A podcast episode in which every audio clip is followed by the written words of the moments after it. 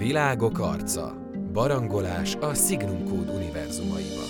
A stúdióban Nagy Gábor, Szeltner Zsolt és Penke Bence. Sziasztok, ez itt a Multiverzum barangoló, én Penke Bence vagyok, meg is kezdjük utazásunkat a Ganjini univerzumba. Két vendégem, két multiverzum polgár, Nagy Gábor és Szeltner Zsolt, sziasztok! Sziasztok! A Ganjini univerzumban ugye génszolgák segítik az Egyesült Föld polgárait mindenféle feladatok elvégzésére. Először is azt kérdezném tőletek, hogy milyen érzések kavarogtak bennetek, amikor először találkoztatok ezzel a koncepcióval, hogy biogenetikus kreatúrák segítik az emberi munkákat. Első körben nehéz volt eldönteni, hogy ezek tulajdonképpen robotok, tehát valami gépi valakik, vagy, vagy biológiai hátterük van, aztán ugye szép lassan kiderült, hogy ezek humanoidok. Eh, Nehéz volt ezeket először így fejbe összerakni.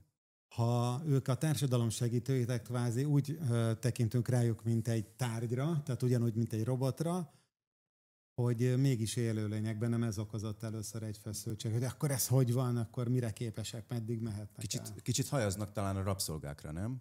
Igen, van egy ilyen felütés. Őket sem benne. vették Igen, annak idején emberszámban. igen.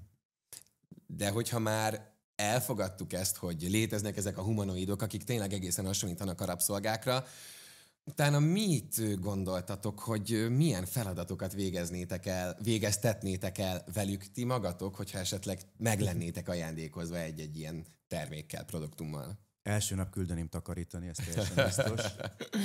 Mert, mert a legjobb, leg, legjobb ilyen porszívók sem tudnak olyan jól De takarítani, csak a komfortzónánk, tudod? csak is.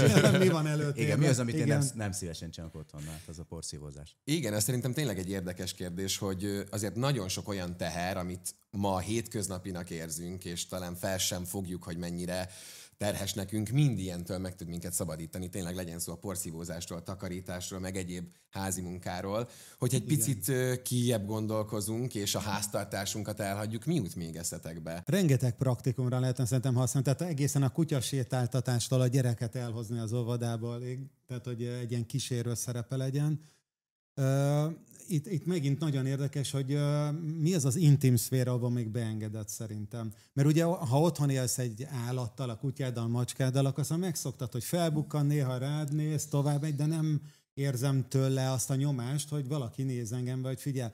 Amíg ugyan még nem volt Ganjini otthon, de innen úgy képzelem Még el, hogy lehet. attól, hogy, attól, Még hogy humanoid, és a szememben néz a szemével, hogy ott valami más történik. Nekem itt van egy akadás. benne. Egyébként ez egy érdekes gondolat, hogy milyen lehet valóban a szemébe nézni egy ilyen ganjinak, hogy mit, lát, mit látnék benne. Tehát, hogyha valóban létezne egy ilyen. Hogy azt, látlám, azt látnám-e benne, hogy egy ember, vagy hogy egy állat, vagy házi kedvenc.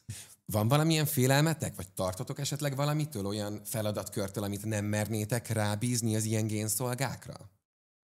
Hát az emberi döntések, ahol nagy, nagy falsúlyú döntések vannak, vezetői döntések. Igen, olyan, mintha inkább ők végrehajtó szervek lennének nekünk. Tehát, mint egy plusz kéz vagy végtag. Tehát, hogy nem hagyod dönteni, de használod. Igen, azt hiszem én is ez a döntésre tenném a voksot egyértelműen. Nagyon szépen köszönöm, hogy itt voltatok velünk, Zsolt és Gábor, és nektek is nagyon köszönöm, hogy megnéztétek ezt, és együtt merültünk bele a Ganjini univerzumba. Kövessetek minket mindenféle social media platformon, és jelentkezzetek a signumcode.hu oldalon multiverzumpolgárnak, építsük együtt ezeket az univerzumokat. Találkozunk hamarosan, sziasztok! Sziasztok! Sziasztok!